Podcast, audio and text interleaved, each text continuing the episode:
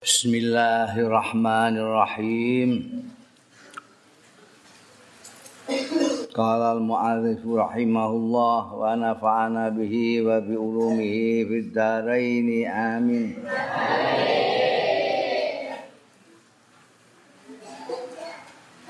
Muqaddimatur risalah iki risalah iku ah jenenge ar-risalatul wa'dhiyah. Mergo isine nasihat. Risalah ini karena permintaan. Biar terbiasa itu ulama-ulama itu bikin risalah karena ada permintaan. Koyok arisalah Imam Syafi'i yang terkenal itu mula adalah permintaan dari penguasa. Beliau menulis risalah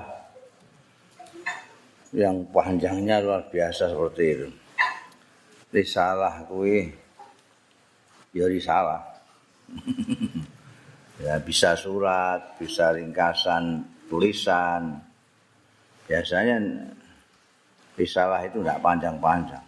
Yang paling panjang mungkin ya risalah Imam Syafi'i itu. Tidak panjang. Nek taklifat takrifat karangan-karangan Imam Ghazali itu kan banyak yang besar-besar seperti Al-Ihya atau Ihya Ulumuddin Al-Wasid berapa gede-gede. Ini risalah ngono jadi ya kayak wong surat-suratan. Bismillahirrahmanirrahim laqad balaghani an lisani man athiqu bihi siratus syaikhi al imam zahid harasallahu taufiqahu wa samarahu fi muhimmi dinihi. Laqad balaghani yakti teman-teman wis sampe ing ingsun an lisani man saking lesane wong asiku sing percaya sapa ingsun biklan man. Apa sing tumeka sing sampe ning ingsun? Siratus syekhil imam zahid sirah perjalanan hidup sirah itu. Kaya sejarah biografi. Nek ora pati gede ya kurikulum vitae. Saiki istilahnya kurikulum vitae. Jadi keterangan-keterangan tentang pribadi orang.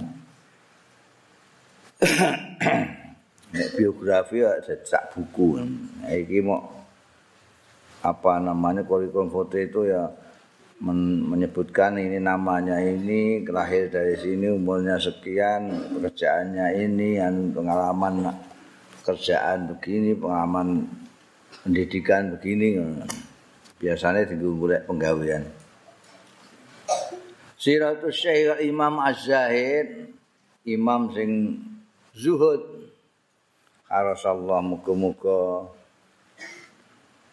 jaga sapa Allah taufiqahu ing pitulungane Allah. Artinya tetep terus disuksesno terus lah jaga masa marah ulan tetepake sapa Allah ing Syekhul Imam fi muhimmi dini dalam kepentingan agama ini.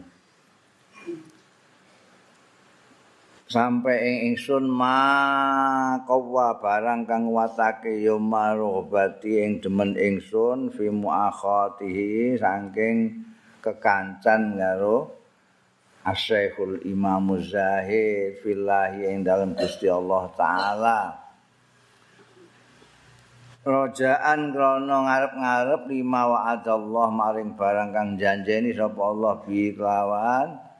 Ma ibadah ing kawula kawulane Gusti Allah. Al mutahabbina sing saling mengasihi. Aku kepengin kekancan karo Syekhul Imam Zaid iki. Eh, mereka mengharapkan janji ini Gusti Allah. Gusti Allah itu janji ini pahala yang besar bagi orang yang saling menyayangi karena Allah. Alam saling menyayangi fillah. Mula aku kepengin untuk pahala besar itu. Mulane aku berhasrat untuk kekancan karo Syekhul Imam Zaid iki wa hadzal ukhuwah la tastati utawi iki kekancan iku la tastati. Ora perlu la tastati musyahadatul asqasi. Ora dadak ngajak musyahadat al asrosi ing nyekseni pribadi-pribadi. Wa qurbal abdani lan parke badan-badan wa inna ma tastati qurbal qulub. Angin pestine memerlukan tastati ya ukhuwah qurbal qulubi ing parke ati wa ta'aruful arwah lan kenalane ruh-ruh. Jadi meskipun tidak kontak langsung secara pribadi, kenalan, jadi kekancan persahabatan terus itu tidak harus tidak harus kontak langsung ngerti pribadi ini ngerti sapa wonge parek badane gak perlu.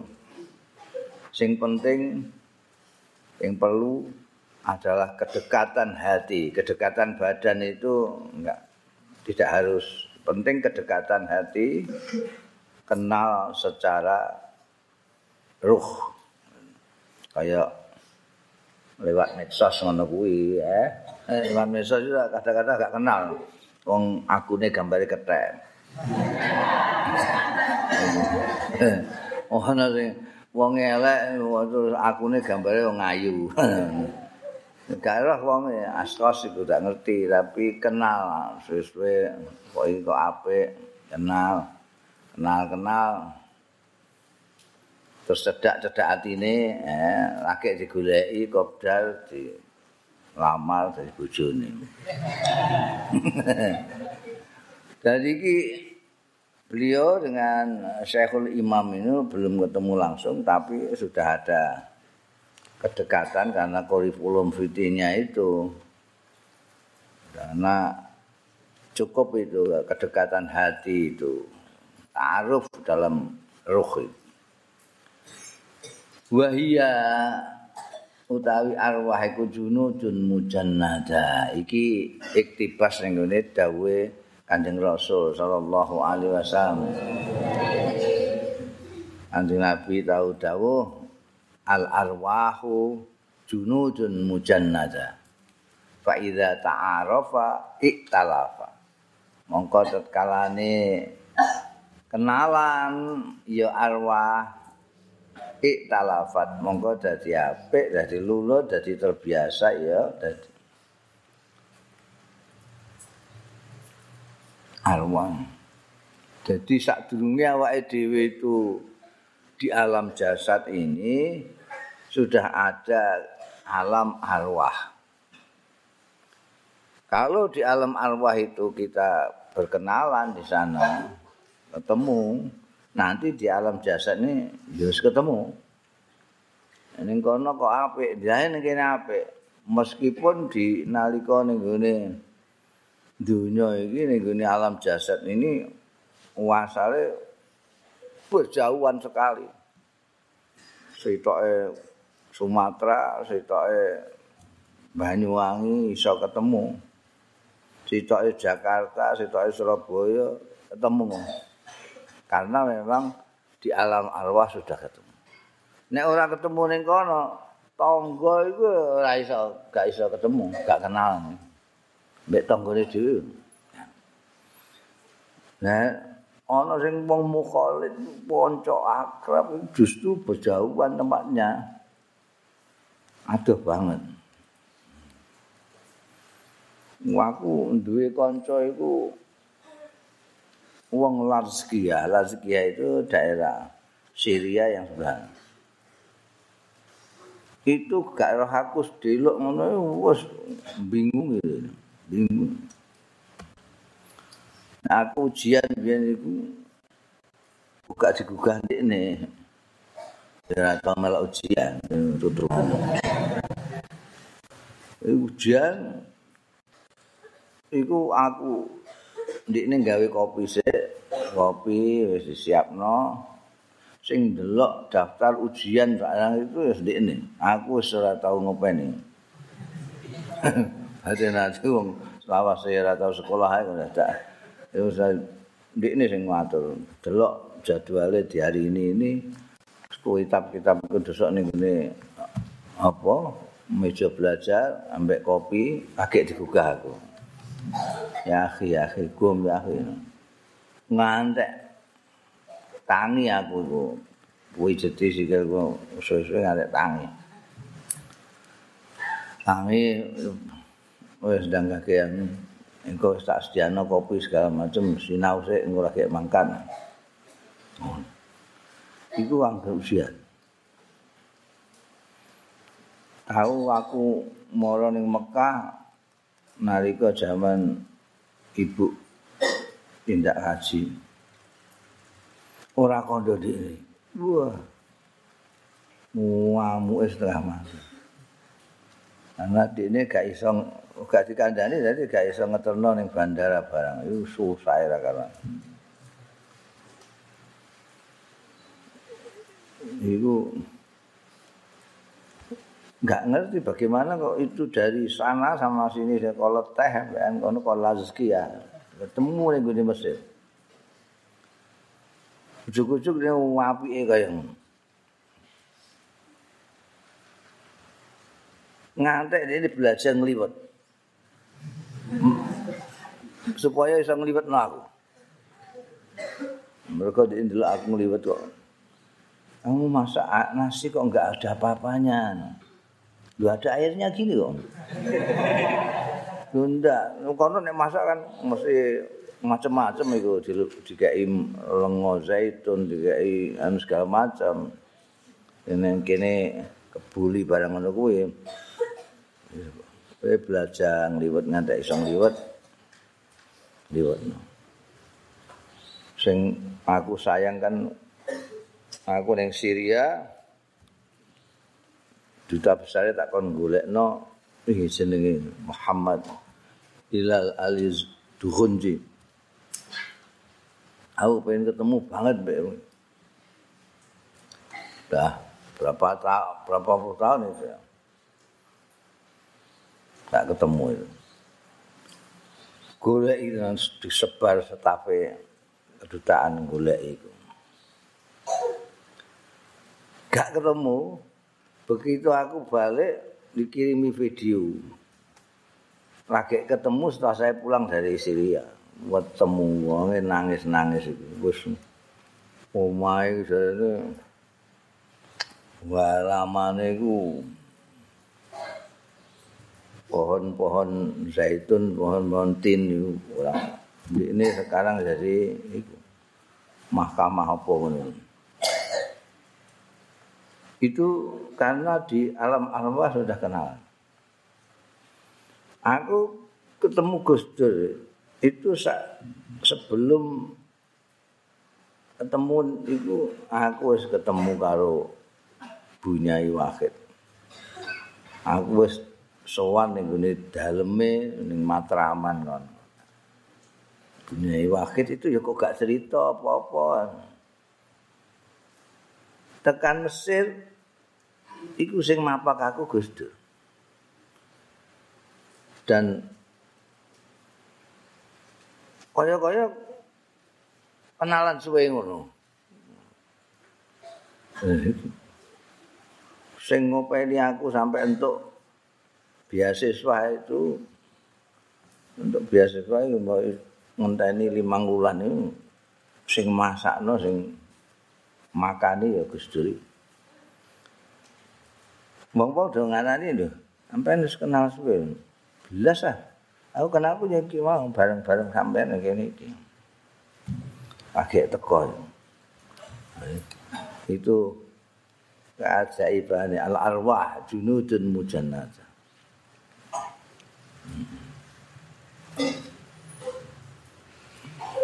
ruh fa idza ta'arafat nek wis kenalan iku roh-roh iku iktalafat terus gutuk.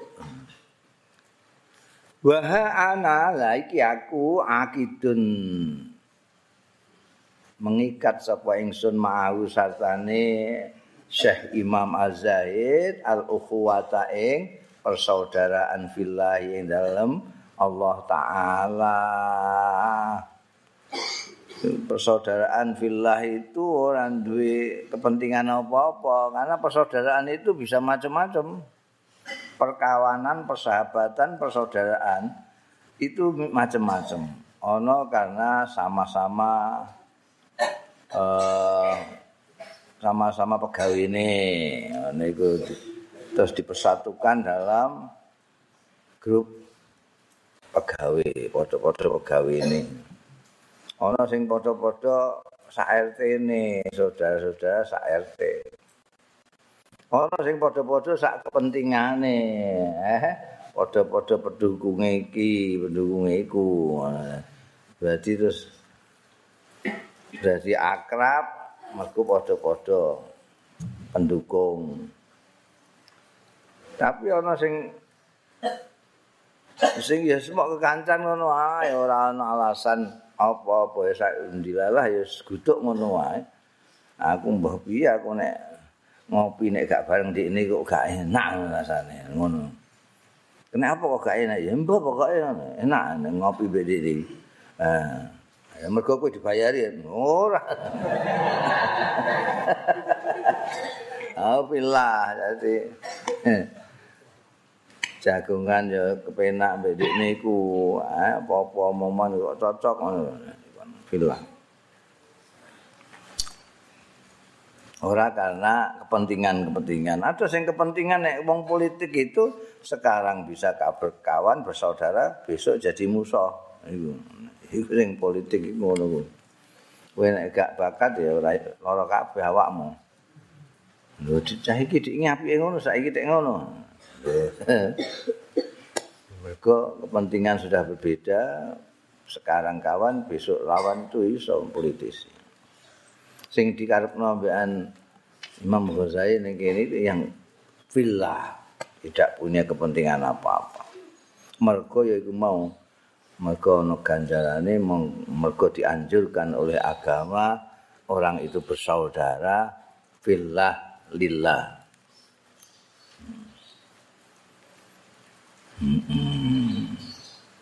Wa muqtarikhun alaihi. Sing somben dipayungi ning dina kiamat termasuk di antarane al mutahabbih. Orang yang saling mengasihi fillah dan lillah. Ketemu lillah, berpisah lillah.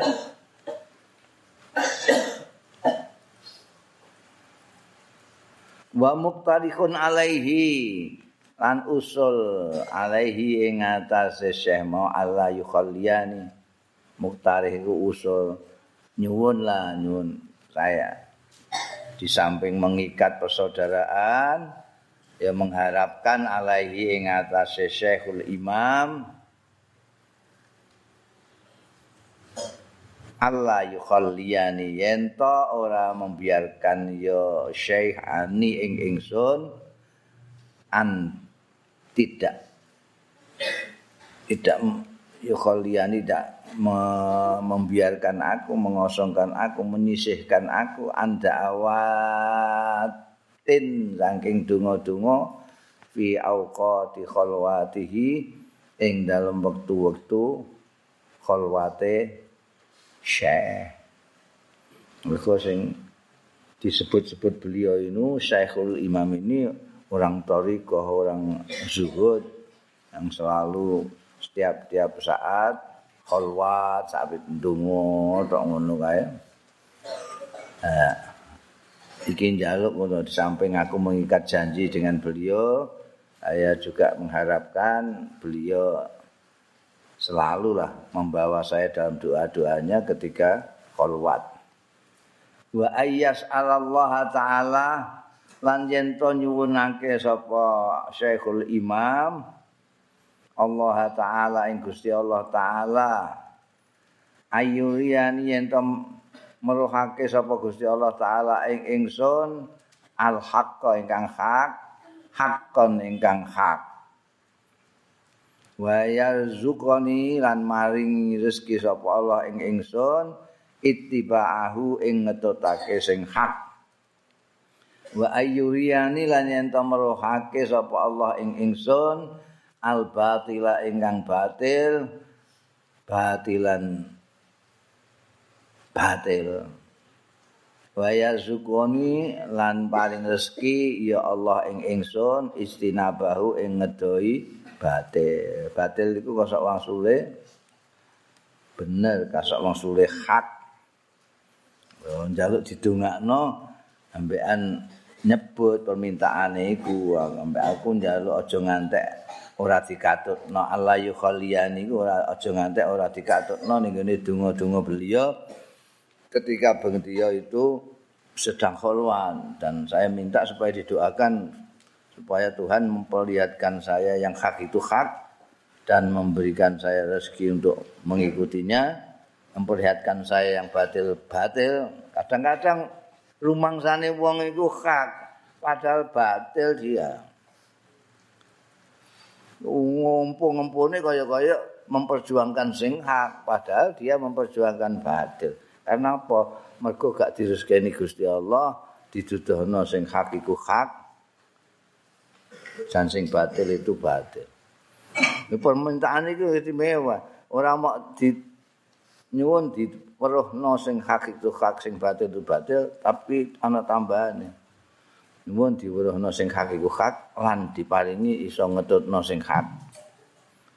dituduhno sing batil iku batil lan diparingi iso ngedoi kebatilan itu. Ya dungo, dadi kowe apik kowe. Apa jenenge? Nek ngetokno Imam Ghazali kowe nek ketemu karo wong-wong terutama sing ahli ibadah, wong-wong sing zuhud, jaluk idonga, paling itu. tapi aja njaluk ning gone wong anu kok ning gone wong Saudi ngamuk wong Saudi jaluk mah biyen aku ngetutno Gustur, Dr. Fahmi, Pak Kiai Sahal barangku ning gone Saudi diundang kiai-kiai Saudi bangsane bin Bas itu Ono salah satu wakilnya bin Bas. Syekh Ali Syekh. Wonge wapi banget nemoni ku anak-anake diundangi kabeh kongkon ngladeni kita semua. Itu sing ngladeni anak-anake. Iki anak nomor siji, iki anak nomor saiki sekolah. Dulu ngomong-ngomongan masing-masing wis dikai souvenir. Agak tekotok anak diundang Nanti mau hadiah ya, kayak hadiah sita-sita. Tak durunge juga imangan wedhus guling. Mangane wedhus guling. Saking apike Dokter Fahmi ku. Iki wong iki apike ngene. Ana njaluk donga njaluk donga. Lah aku iku enggak sadar apa ya terus langsung ngono ae aku dijak ya dikongkon manut ae. Syekh ini kawan-kawan minta dengan doakan. Wah, berubah sakal. Berubah. Loh. Kalian ini ulama-ulama kok mengapa kok seperti orang awam? Mengapa kok? Apa ndak bisa ndonga sendiri? Wah, lah iki aku Wah, aku tuh dok iki lho, kanane kowe ngamuk to. Kok ngamuk? Yo ngamuk ngene ndonga iku dhewe-dhewe. Mane kowe ning kene pas mbayang bang mencengkelak ngono ae. Tau aku sembayang di Masjidil Haram di Masjid Madinah terus amin amin donga gak kenal ono. Mergo wong iso donga dhewe-dhewe. Kagel imame gak gelem dongakno. kita orang yang manut kayak Imam Ghazali ini nih kita dulu uang kok cedak karo Gusti Allah jaluk idonga eh mbok menawa dungane wis mandi timbangan idonga aku ana Nah, itu kipo-kipo tenan gak gelem Api itu bareng ngamuk di sadar, kita tamu tak amuk. Terus dari maaf aku tapi benten aku iki ya amal makruf nahi mungkar. Oh, di nahi mungkar iku sing ditandaskan iku. Mergo dianggap mungkar jaluk donga wong iku. Ngisan donga dhewe kok jaluk donga wong. Memangnya nek gak liwat aku Gusti Allah gak gelem ngrungokno kowe ngono karepe. Hmm. Nah, wong akeh ya macam-macam. Iki malah njaluk didongakno Imam Ghazali. Suma qara asami annahu ilmu dadaan terngetuk sapa Syekhul Imam sami ing panggungan ingsun anau setuhune Syekhul Imam iku iltamasa jaluk mundut ya Syekh mini saking ingsun kalaman ing pengendikan fi ma'ra fi ma'radin nuski ing dalem uh, ing dalem tema nasihat wal wa'zi lan ya nasihat padha ae nuski wa'zi kumanan. Wa kaulan lan ucapan wajizan sing cekak aos fima ing dalam barang yajibu kang wajib ya ma alal mukallafi ngatasé wong mukallaf kaulan wajizan fima yajibu ing dalam barang yajibu kang wajib alal mukallafi ngatasé wong mukallaf apa? Ngono iktikadu nekotake ma saya nemeng qaidil aqaidi nyatane kaidah-kaidah aqaid kaidah-kaidahe kepercayaan. Jadi maksudnya saya dengar Syekh Imam Azaid ini kok meminta kepada saya ucapan-ucapan yang mengenai nasihat dawuh-dawuh yang mengenai apa saja yang wajib bagi mukalab menekatkannya itu permintaannya imam. Imam apa Az-Zahid tadi itu karena Imam Ghazali ada masanya sudah terkenal sekali sebagai orang yang alamah bukan hanya alim ya ditanyai sana sini. Nah ini dimohon tidak hanya menjelaskan tentang apa yang wajib bagi mukallaf untuk mengimaninya tapi juga adanya nasihat-nasihat. Ada mau lah, minta di mau idoi. Nah, nek saiki yo gak ana pejabat anu barang njaluk mau idhah gak njaluke pangestu.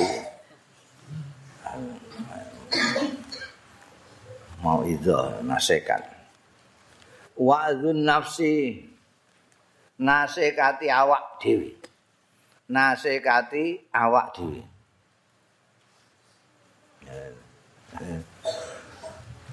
sing rada arang-arang iku wong nasikati awake dhewe. Sing akeh nasikati wong.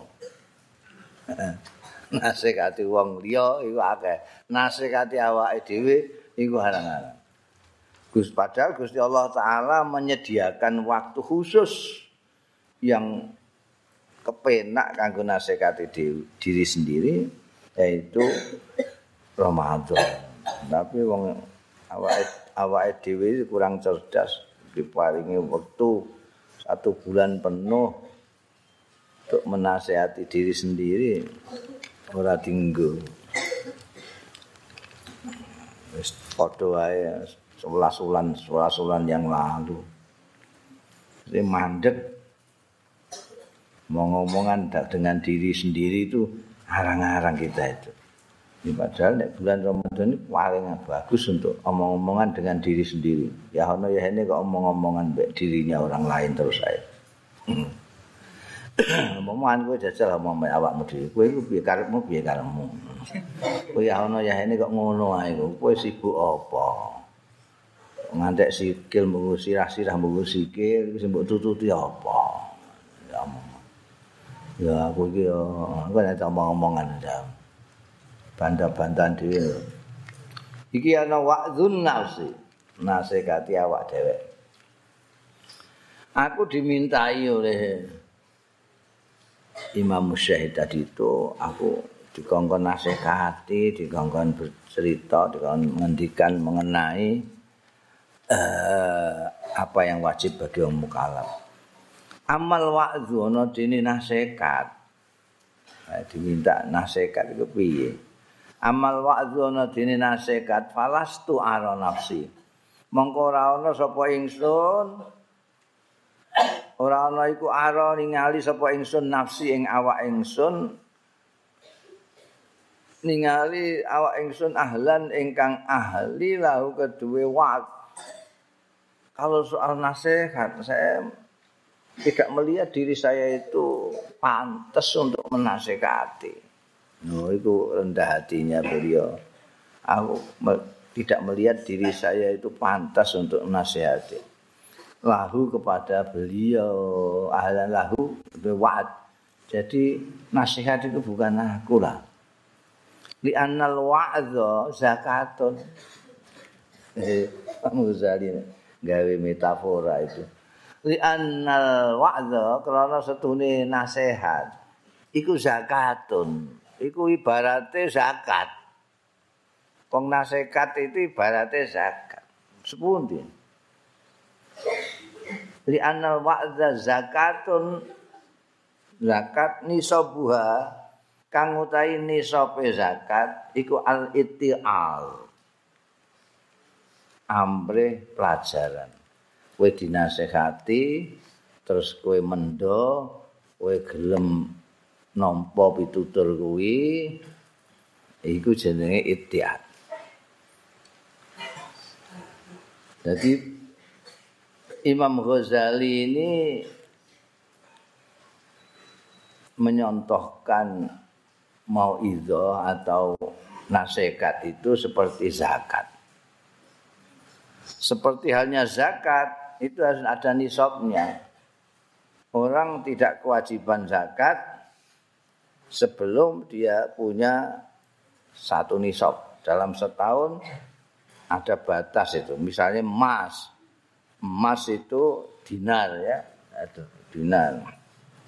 Itu emas ini belum wajib memberikan zakat sebelum satu nisab. Nisabnya berapa? Kira-kira 55 gram ya 50 gram 20 dinar. Kalau 20 dinar sudah cukup 20 dinar dalam setahun baru dia memberikan dua setengah persennya yaitu setengah dinar. Nah mau idah oleh beliau nasihat itu disamakan dengan zakat nisabnya adalah ittial kowe meh nasihati wong kowe dhewe iku piye wis duwe cukup enggak. Sesuatu yang untuk diberikan sebagai nasihat. Lah kowe dhewe ya ana ya ini dikai nasihat. Ngono terus saya kok meh nasihati wong saiki iku piye? Ya kowe dhewe cukup nisab kowe. Ngono. Waman lani sop lahu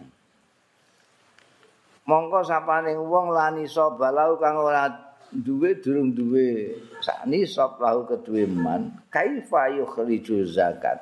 Kepriye ngetokno ya man azakat ing zakat? Wong durung sakni sop kok ngetokno zakat? Ya iso ae tapi gak aturan.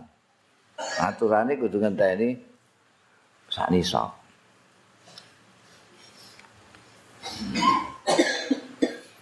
Jadi kue itu mendapatkan nasihat dulu dan kamu betul-betul ngugemi nasihat-nasihat yang diberikan kepadamu itu baru kalau kamu sudah punya begitu kemampuan itu baru kamu nasihat orang lain. Aku kowe dhewe ngono sih. Ora tau ngrungokno wong nasihat. Saiki meh nasihati wong piye? Wa faqidun nur kaifa yastaniru bi ghairu. Wong sing ora duwe cahaya kaifa yastaniru ke, kepriye amrih cahaya bi kelawan faqidun nur sapa ghairuhu liyane faqidun nur.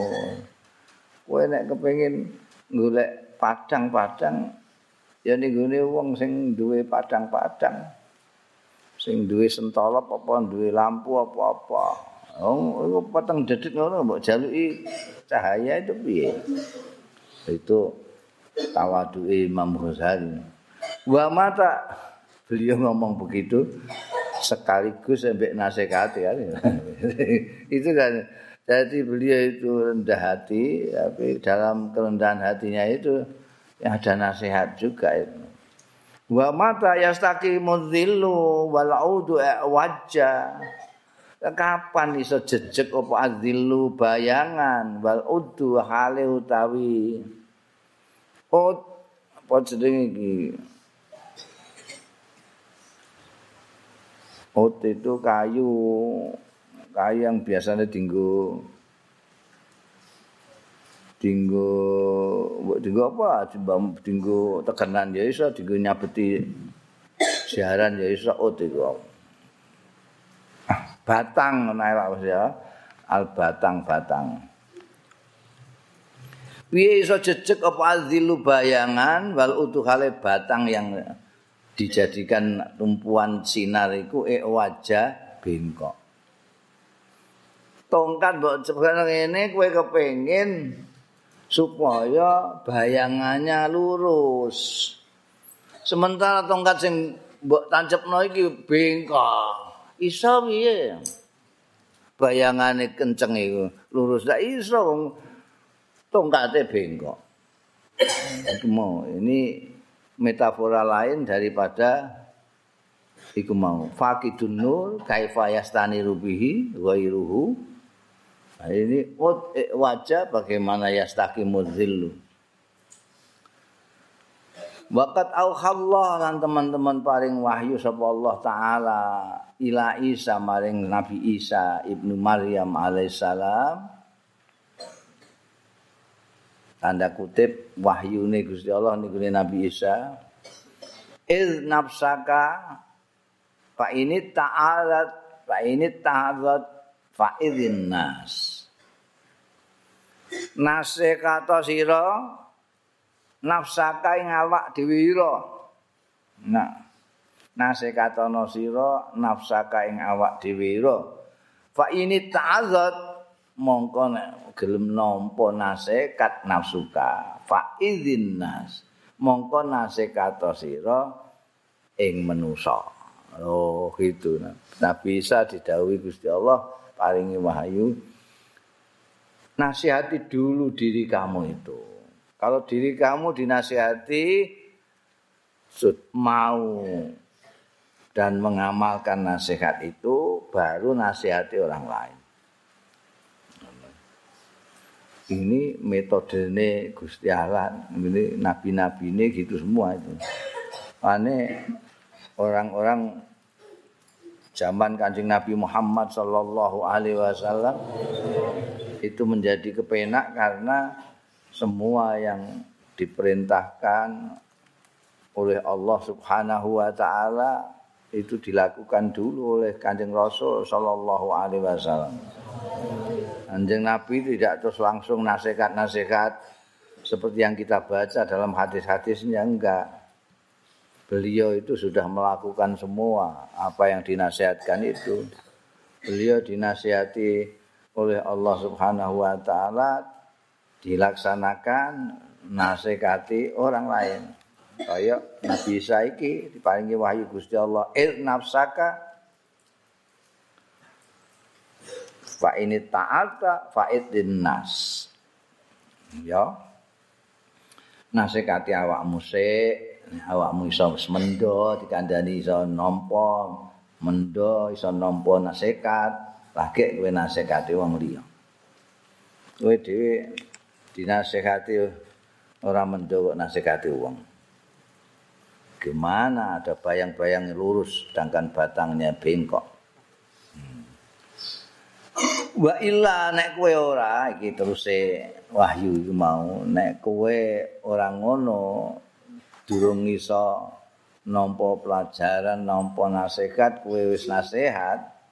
Pastahyi minni mongko isina sira ing ingsun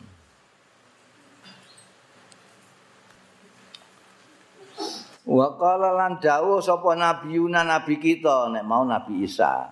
Sekarang nabi kita Muhammad sallallahu alaihi wasallam.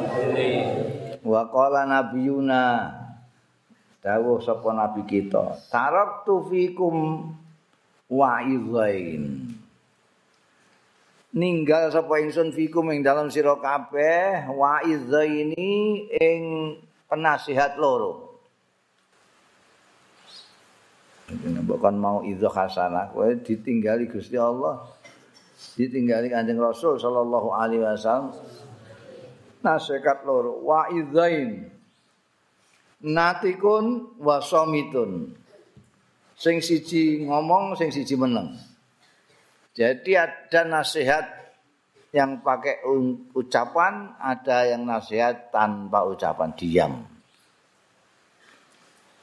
Kanjeng Rasul sallallahu alaihi wasallam meninggalkan untuk kita dua nasihat yang satu diam yang satu pakai bicara Fanatiku huwal Quran Ini bicara wa ya annatik iku Al-Qur'anu Qur'an. Kowe nek kepengin golek nasihat, buka Qur'an. Wa samitu ta sing meneng wa ya samit iku al-maut.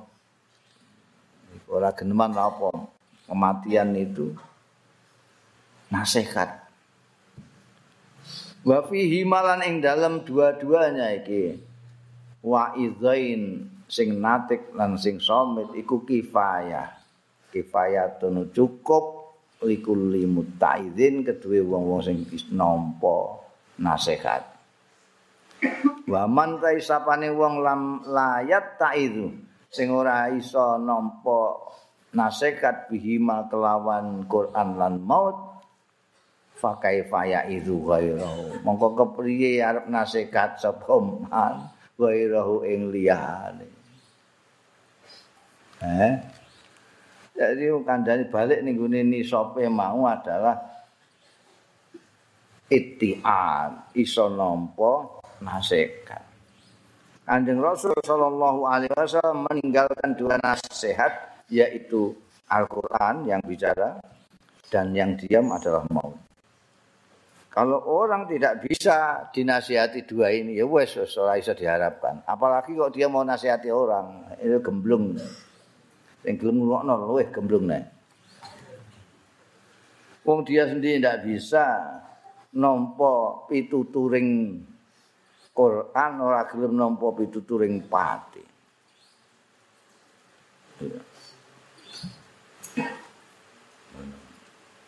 Ada dua ya. Malah kanjeng Nabi Muhammad sallallahu alaihi wasallam ngendika kafa bil mauti wa idzan. Cukup kematian itu menjadi nasihat.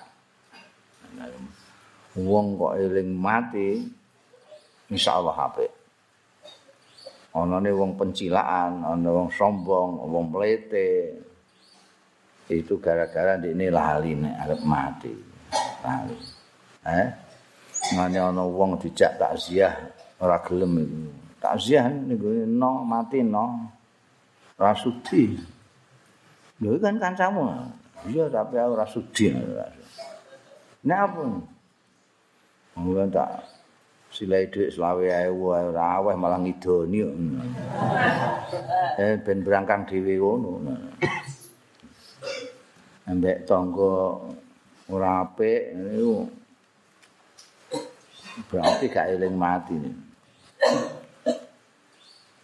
eling mati itu mesti apik karo wong.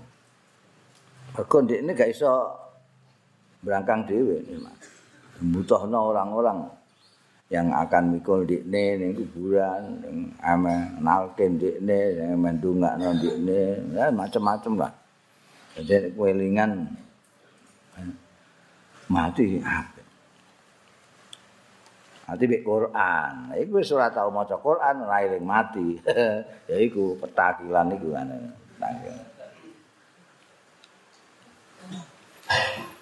Hmm. Wa malam yata'il bi ma wa kaifa ya'izu ghairahu. Walaqad wa'atu bihi ma yakti temen-temen nasekati sapa ingsun bihi kelawan Al-Qur'an lan kematian mau nafsi ing awak dhewe ingsun. Fasad dakot mongko benerno ya nafsi. Aku tau nasekati awakku dewa, awak. Kowe iku eling mati ya. Nggih, ngono jawabane sih. Wa qabilat lan nampa ya nafsi kaulan ing ucapan wa aklan akale. Awakku tak nasekati nganggo Quran, nganggo kematian, iku bener no. Wa qabilat lan nampa kaulan sebagai ucapan wa kaulan secara kaul itu artinya nggih nggih nggih ngono kaulan itu. Nggih leres dengan leres. Iku dikne nampa kaulan. Wa aklan na akal, masuk akal dengan nasekate. Tapi wa abad lan emoh ya nafsi wa tamarradat lan dodro yo nafsi tahqiqan secara kenyataane wa fi'lan lan secara prakteke. Ya. Iki awake dhewe sing dirasani Imam Ghazali ku. Ora kowe Imam Ghazali ngrasani awake dhewe. Awakku kuwi tak kandhani wah mantuk-mantuk benerno kak aku. Nampa omongane nggih nggih nggih nggih. Secara akal masuk akal masuk akal. Nggih nggih nggih. Ngono.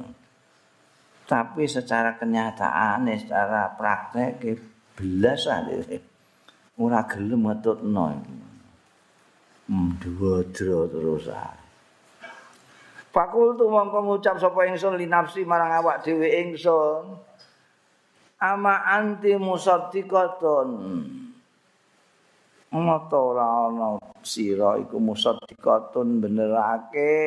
Bi anal qur'an kelawan sedune qur'an wa ya qur'an iku alwa izunatik kowe ra mungiyani to kowe muni nggih to.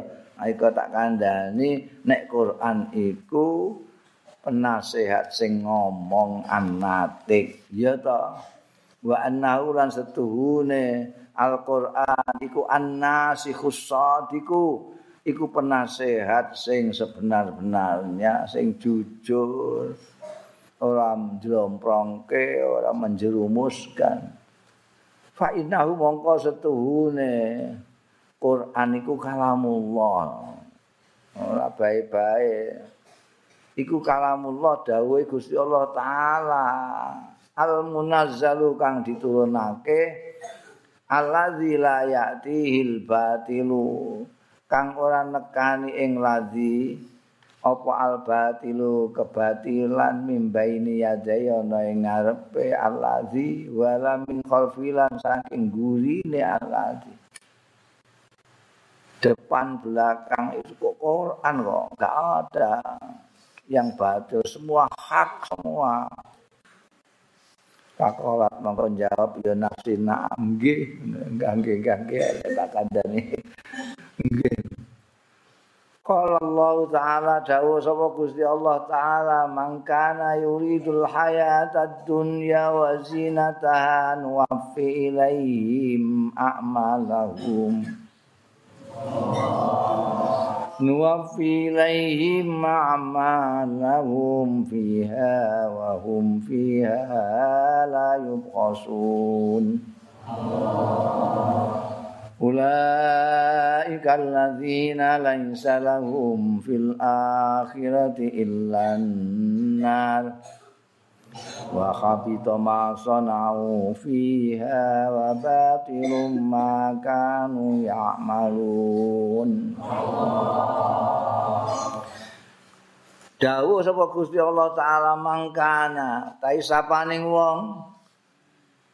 Kana kang ana ya man ana iku yuri du ngarepake ya man al hayatad dunya ing kehidupan dunya wa zinataha lan pepaes pepaes dunya mobil omah gedong segala macam zinataha nuwafi mongko memenuhi nuhoni sapa panjenengane ingsun ilaihim marang man akmalahum ing amal-amale man fiha ing dalam dunya wa hum fiha wa hum utawi man fiha ing dalam dunya layub khosun ora dirugekake kabeh. Ulaika utahe mengkono-mengkono man iku allazina laisa lahum kang ora ana lahum keduwe lazina fil akhirati nal akhirat apa ilan naru kejaba neraka naudzubillah. Wa habita wa habita lan sia-sia apa barang sonau muspro apa barang sonau kang nindakake? Ya man fiha ing dunya wa batilun dan batil apa barang kanu kang ana? Ya man ya maluna padha ngamal kabeh. Oh iya diwacakno barang diwacakno awake dhewe sing diwacakno Quran Imam Ghazali Gusti Allah dawuh mangkana yuridul hayatid dunya. Dunia itu ada orang sing dipeno sing digudak sing dipentingno adalah kehidupan dunia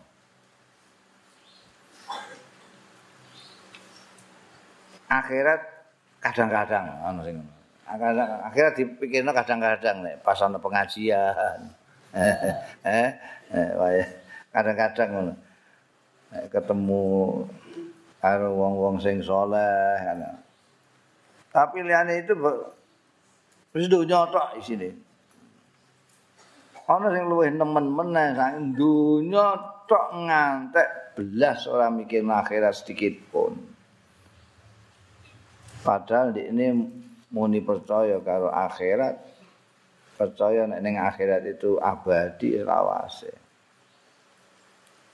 Iki dingendikakno ana sing sama sekali pancen wis orang lewes ana. Hidup ya di dunia ini. Ngapain mikir-mikir yang tidak jelas ngono iku ana.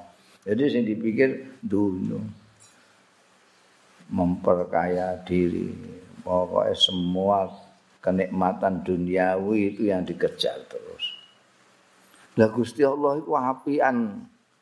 Pokoke kowe perlu dunya diparingi. Wes ora ora kurang kowe kepengin napa? Pengen rumah gedong, telu, telulas ya ngono.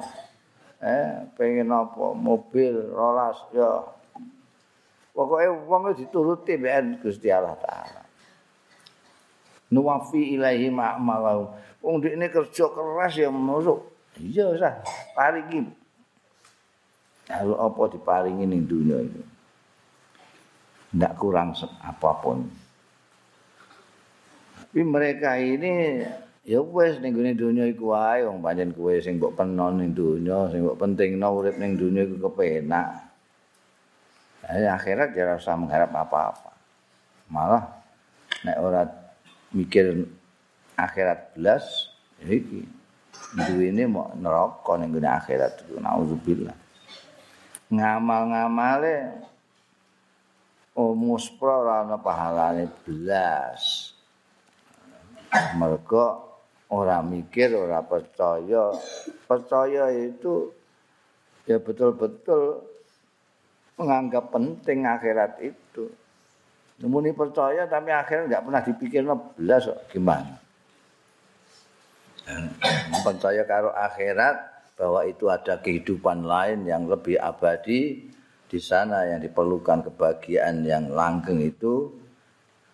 Nah itu jenenge iman kalau dino akhir tenan. Nek ora ada iman sama sekali kepada dino akhir ya sudah.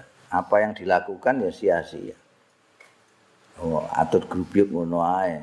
Wong dene ora percaya karo ganjaran. Ganjaran nang engko niku akhirat. Nah, ini saiki iku ketoke kaya akeh ngono iki. Wong-wong sing ketoke kaya wong mukmin tapi ora pati ngurusi akhirat. Yang diurusi dunya. Wah, nek perkara dunya iku tukaran ya dewang. Gontok-gontokan dudure dhewe. Nekek marang tuwa ya dilakoni. Nek perkara dunya, wah dan serius tenan. Serius. Nek perkara dunya perkara akhirat itu ora pati penting. Ya, nek kok ber ngono ae. Itu bagaimana? Fakot wa'adakillah. Fakot wa'adaki. Kok wa'adaki sih? Ya mergo iki sing diomongi awak dhewe, awak dhewe ku nafs, nafs ku muannas. Fakot wa adaki lan temen-temen janjeni ing sira awak sapa Allah Gusti Allah taala janjeni ngancam binari kelawan neraka ala iradati dunya ing atase ngarepno donya tok kowe nek mau ngarepno donya tok kowe kudu diancam neraka lho Eh, kowe kok mok dunya tok sing mbok pikir. Iku mau alladzina laisa lahum fil akhirati ilan nar maulu eling-eling. Wa kullu ma la yashabuka ba'dal maut.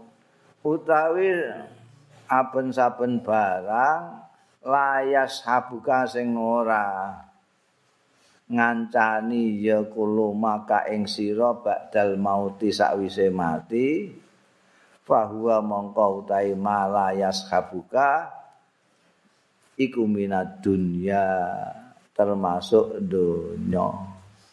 Eh? Sing ora ngancani kowe apa? Mobil-mobilmu ora ngancani. Mas picis raja brana ora ngancani. Untu mas saya ditetek karo modin.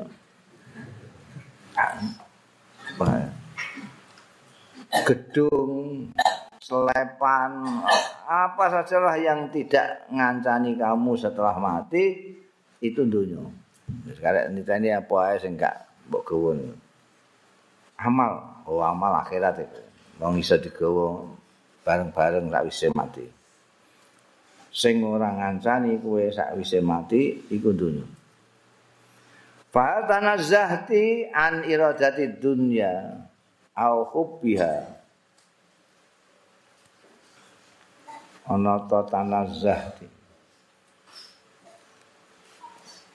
Sesuci sira an iradati dunya. Bisa kamu an iradati dunya saking ngarepake dunya. Au hubbiha utawa nyenengi dunya. Walau anna tabiban.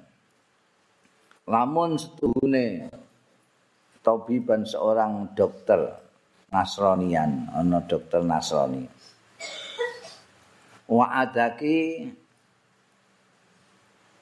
janjeni ya tabib ki ing sira bil mauti kelawan mati. Sampai ini ini tidak bisa mati. Kalau ini buat terus no mangan kene iki iso mati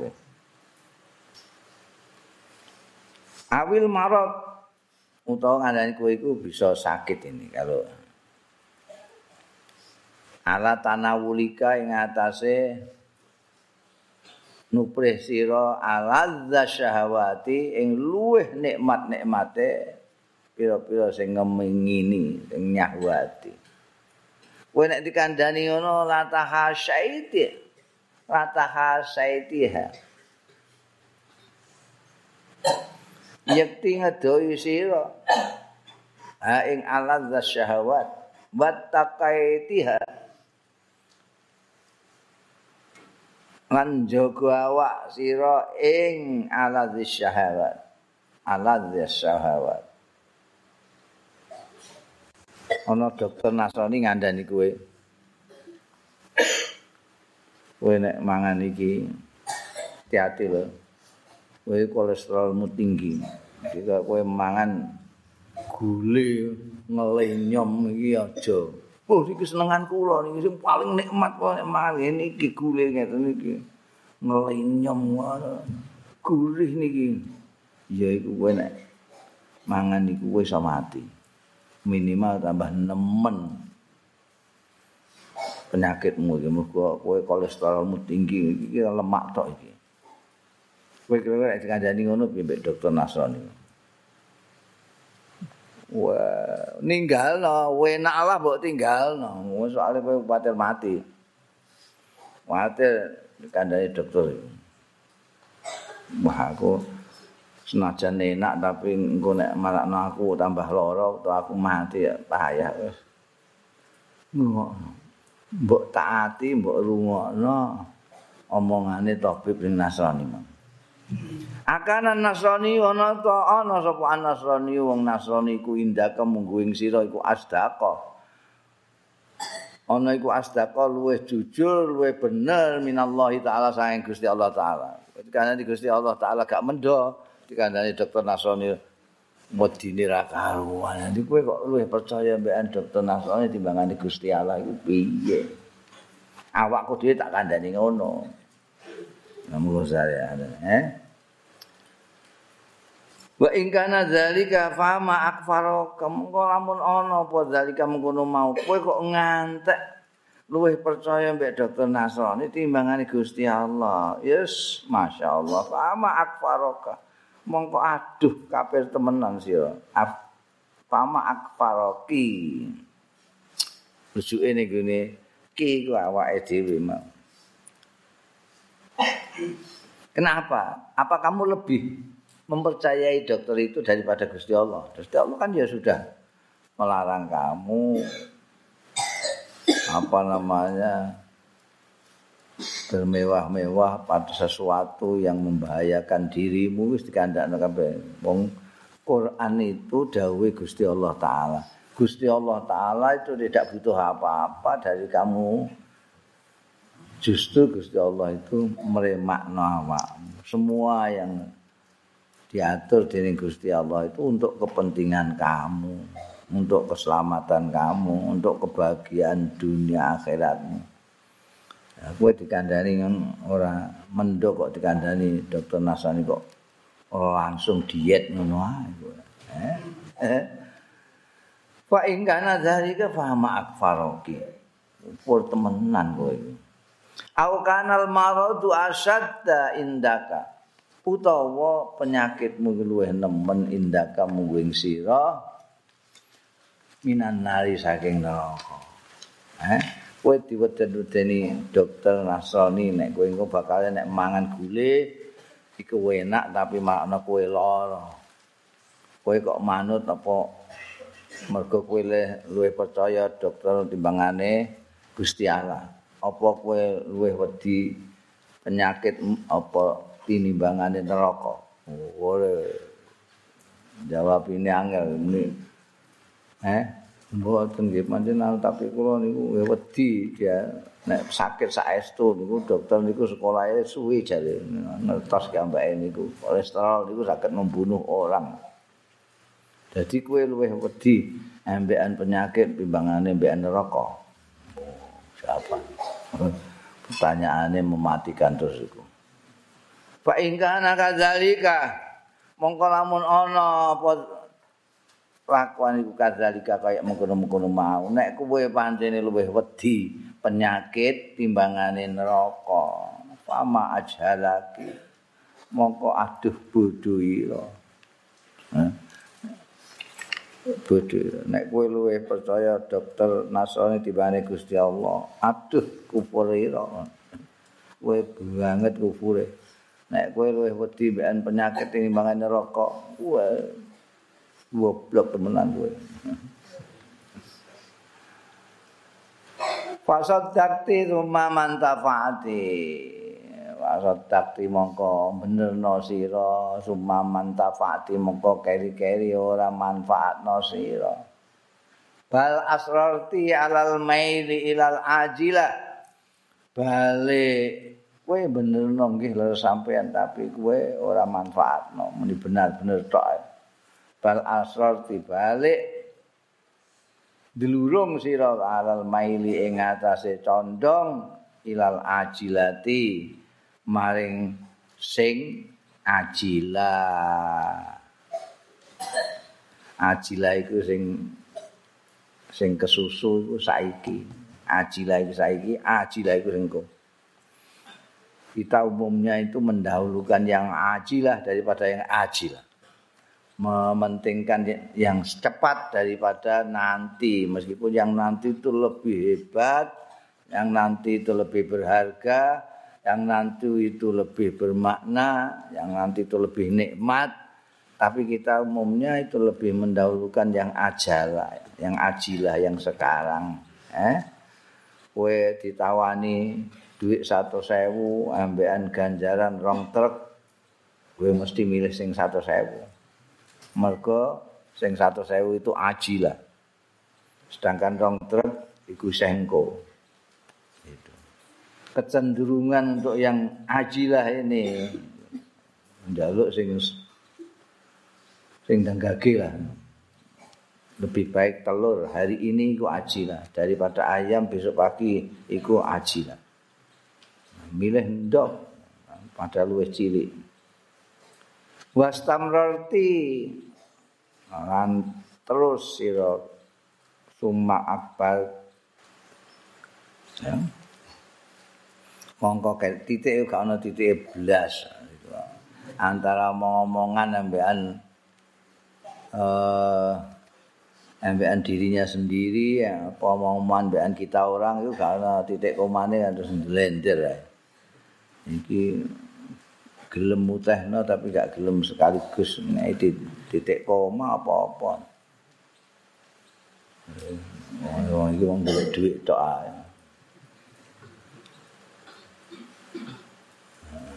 Golek dhuwit paling gampang ngono. Eh? Menyalin kitab-kitab lawas. Ini.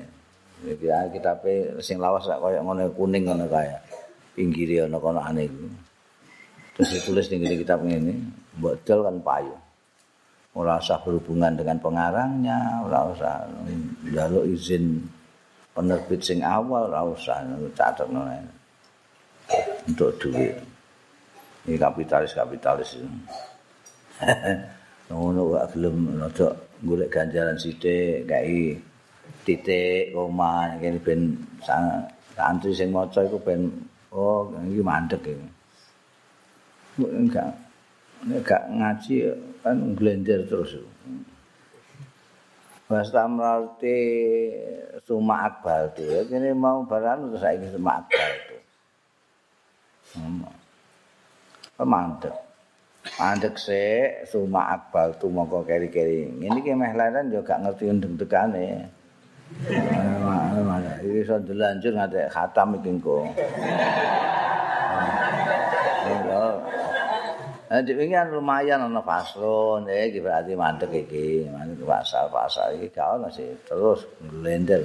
Wong surat kok kaya faslon-faslon iki. Jadi salah itu surat.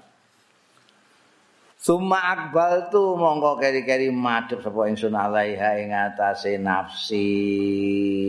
Eh? Aku madhep ning nafsi fa wa'atuha mongko ngandani nasekati sapa ingsun ing nafsi bilwa idhis samiti kelawan penasehat sing meneng. Dimo kan ana loro penasehat sing ngomong yaiku Al-Qur'anul Karim lan penasehat sing meneng yaiku mau. Aku saiki nasekati bilwa idhis samit fakultu mongko ngucap sapa ingsun Kot akhbaron natiku teman-teman ngabari sapa annatiku yaiku Al-Qur'an penasehat sing guneman. Anis somiti tentang penasehat sing meneng.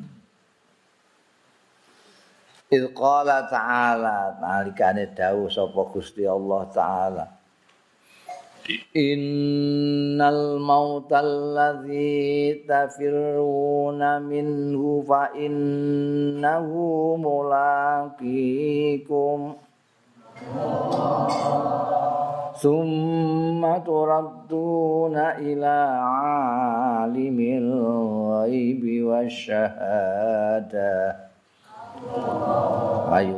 Ayunabbi'ukum bima kuntum ta'malun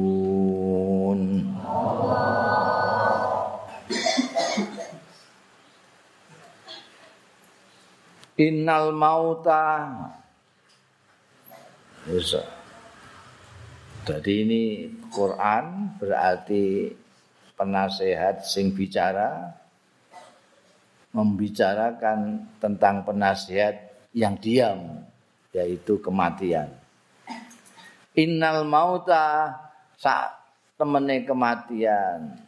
Alladzi tafirruna sing melayu sira kabeh minhu saking ladzi pati fa innahu mongko setuhune ladzi maut iku mulaki kum pasti menjumpai isira kabeh summa turaduna mongko keri-keri dibalekno sira kabeh. Ila alimil ghaib maing zat kang ngudaneni perkara sing gaib wa syahadati lan sing ketok Fayunabi ukum mongko banjur ngabar ya alimul ghaib king sira kabeh. Bima kawan barang kuntum kang ana sira kabeh tak maluna padha ngamal sira kabeh kematian yang kamu lari darinya itu pasti metu iku mesti ketemu dengan kamu Ya bisa kamu mau lari mau lari ke mana? Mau lari ke mana? Tidak bisa, mesti tututi. Kemudian kamu dikembalikan kepada Sang Maha mengetahui yang gaib dan yang tidak gaib. Lalu kamu diberitahu apa saja yang dulu pernah kamu lakukan. Kayaknya kayak kabar tapi itu rada ancaman. Kowe nek kowe sing mbok lakoni ora bener bahaya. Gak bisa kita lari dari kematian. Biyen zamane Nabi Sulaiman iku. Menggune Nabi Sulaiman anak-anak pesta ning istana. Jujuk terus ana wong sing mara ning Nabi Sulaiman. Anjir Nabi Sulaiman, niku sinten niku? Undangan sampean sing ke mereka. Duh. Kowe sampean enggak kenal. Wah, itu mulane kula takokake. Jenis Israel ya itu. No. Oh Israel. Ya, kenapa? Ngawasi kula terus mawon itu. Wah, wedi ini.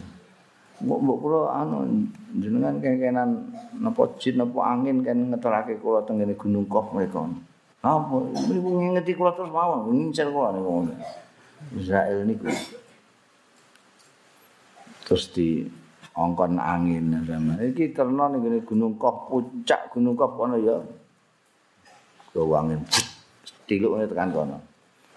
Tekan puncak Gunung Kop ning kono Israel wis tok ngenteni. Wong catetane ning kene kok iki mau isih keluyuran ning kono. Aku bingung iki mau iki tuh keliru tapi tugasku iki. Tugas jabut nyawamu ning kene kok kowe mau kok isih ning kono beberapa detik yang lalu. Pas ae terus. Iku sing tafiruna minhu fa innahu mulaqikum.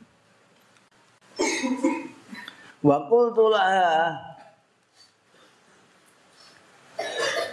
wa qultu laha wallahu a'lam